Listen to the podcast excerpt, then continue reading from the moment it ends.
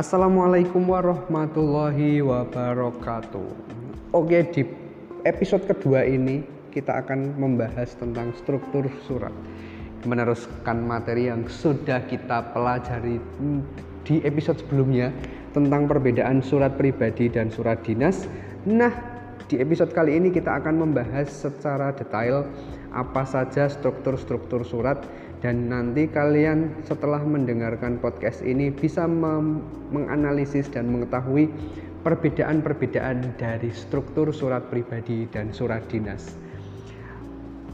Baik, kita mulai dari surat pribadi. Nah, dalam menulis surat pribadi ada beberapa struktur atau bagian yang harus kamu tuliskan. Pertama yaitu nama kota dan tanggal. Nama kota biasanya dituliskan ke tempat di mana kamu menuliskan surat itu. Diikuti dengan tanggal. Tanggal yaitu tanggal di mana atau tanggal ketika kamu menuliskan surat itu. Biasanya terletak di sebelah kanan atas. Selanjutnya kamu harus menuliskan tujuan surat itu kepada siapa kamu harus mengirimkan surat itu misalnya ke orang tua kamu ya. Kamu harus menuliskan kepada ibu kalau kamu mau menuliskannya untuk sahabatmu ya kamu tuliskan namanya. Misalnya kepada sahabatku Maria. Di bawah nama orang yang kamu tuju, kamu harus meletakkan tujuan surat itu. Misalnya di kota Medan atau di Yogyakarta. Atau kalau kamu mau menuliskan nama sekolahnya juga boleh-boleh saja di SMP 1 Bekasi misalnya. Nah, setelah itu kamu boleh memberi spasi terus diikuti dengan salam pembuka. Jika sahabatmu ini mungkin agamanya Islam ya kamu tuliskan Assalamualaikum. Jika agamanya Kristen atau Katolik ya kamu bisa menyesuaikan atau bisa langsung menyapa Hai Maria, Hai Agung, Hai Tika gitu ya. Terus di awal-awal mungkin kamu akan memberi kalimat-kalimat basa-basi seperti menanyakan kabarnya menanyakan keadaannya atau menanyakan kesibukannya. Itu sebagai bagian dari pembukaan surat bagian pembuka. Jadi ada salam pembuka yang isinya memberikan sapaan assalamualaikum atau hai halo dan sebagainya kemudian diikuti dengan paragraf pembuka surat ya. Biasanya di paragraf ini ada bahasa basi seperti menanyakan kabar menanyakan keadaan menanyakan kesibukan dan lain-lainnya ya. Kamu bisa mulai berlatih untuk membuat paragraf pembuka. Nah setelah paragraf pembuka berakhir diikuti dengan Paragraf selanjutnya yaitu isi. Di dalam isi surat kamu bisa menuliskan inti pembahasan surat itu. Misal keperluanmu menulis surat itu karena kamu ingin memberitahu informasi tentang prestasimu di sekolah ya sampaikan setelah saya akhir tahun menerima hasil belajar itu artinya saya sudah akan naik ke kelas 8 misalnya kalau kamu kelas 7 Alhamdulillah hasil belajar saya cukup bagus saya mendapatkan nilai dan seterusnya. Itu kamu bisa eksplorasi sendiri. Kalau inti dari surat itu kamu mau main ke rumahnya di liburan semester nanti ya kamu tuliskan. Di liburan semester nanti mungkin ayahku tidak akan memiliki kesibukan yang banyak sehingga Kemungkinan aku bisa berkunjung ke rumahmu, Maria. Tolong tunggu aku di rumahmu. Masaklah makanan-makanan yang enak untuk temenmu yang mau ke rumahmu ini. Gitu misalnya ya. Saya juga nggak biasa nulis surat ke sahabat, ke temen ya. Kalau mau datang main ya main aja. Nah itu contoh aja ketika kamu mau menuliskan isi surat. Bisa jadi isi suratnya memberikan kabar kalau ibu dan keluargamu sehat-sehat saja. Terus nanti diakhiri dengan kamu harus menanyakan juga bagaimana kondisi keluarganya di sana. Itu untuk isi surat. Jadi isi surat kamu boleh mengeksplorasi itu dengan beberapa paragraf, tidak hanya satu dua paragraf. Jika pembahasanmu banyak, ya kamu boleh saja menggunakan banyak paragraf. Dan ingat, di dalam isi surat kamu bebas menggunakan bahasa-bahasa komunikatif yang mudah dipahami oleh temanmu itu atau keluargamu atau siapa pun yang kamu tuju untuk kamu beri surat itu.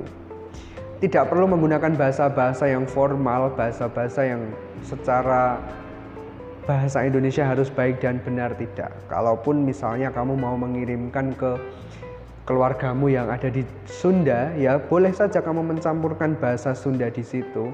Kalau kamu mau mengirimkan ke keluargamu yang menggunakan bahasa ngapak ya boleh-boleh aja ya. Oke, itu untuk isi surat. Nah, setelah isi selesai kamu lanjutkan dengan paragraf penutup surat. Paragraf penutup ini biasanya diakhiri dengan mungkin sekiranya itu saja yang bisa saya sampaikan di surat ini. Saya tunggu balasan kamu ya, gitu. Nah, itu jadi seakan-akan di dalam penutup surat kamu memberikan uh, memberikan salam salam penutup tapi bukan bukan langsung wassalamualaikum bukan langsung sampai ketemu lagi atau aku tunggu balasanmu bukan. Tapi pakai bahasa basi dulu lah seperti di pembuka dulu.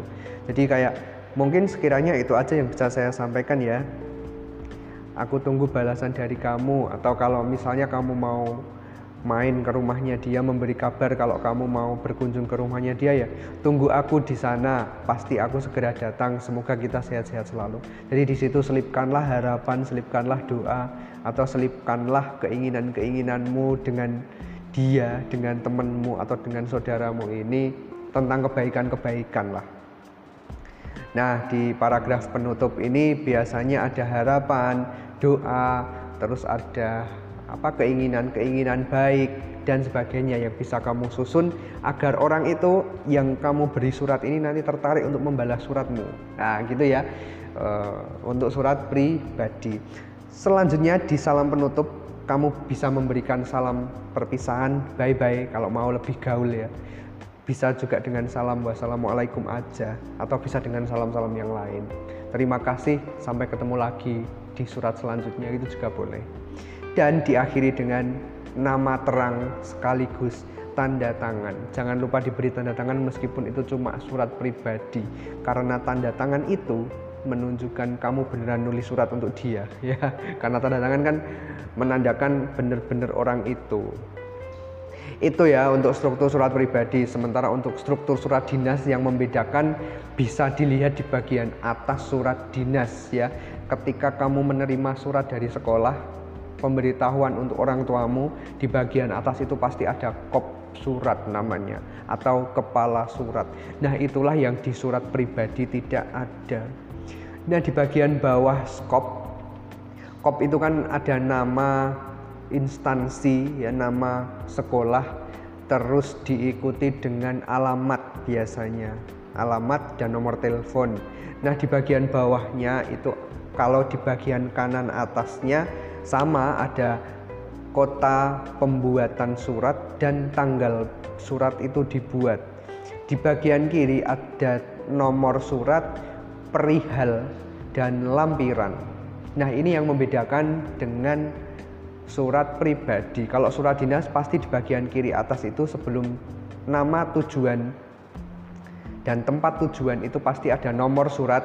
Nomor surat itu nanti berisi nomor keberapa surat itu diterbitkan.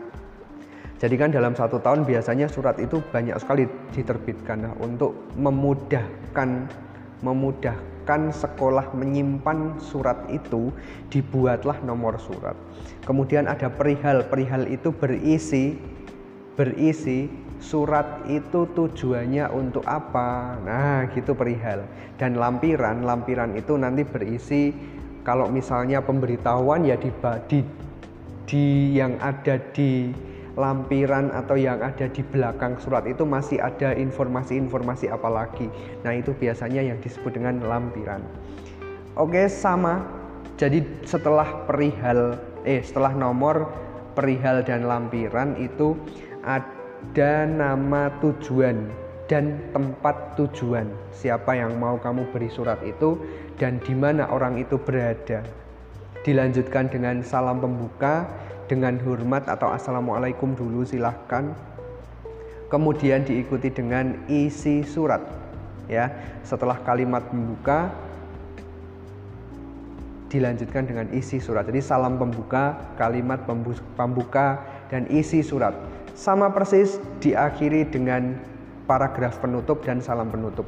Ingat yang membedakan meskipun struk, secara struktur sama, yang membedakan surat pribadi dan surat dinas adalah bahasanya. Di dalam surat dinas bahasa yang digunakan ya pasti bahasa formal. Misalnya dalam paragraf dan kalimat salam pembuka dengan hormat kami atas nama pelaksana kegiatan hari ulang tahun kemerdekaan Republik Indonesia 2020 akan menyelenggarakan kegiatan lomba menulis puisi dengan tema Hari Kemerdekaan Republik Indonesia. Ya, jadi formal banget, sangat formal tapi tetap agar orang yang dikirimi surat itu mudah.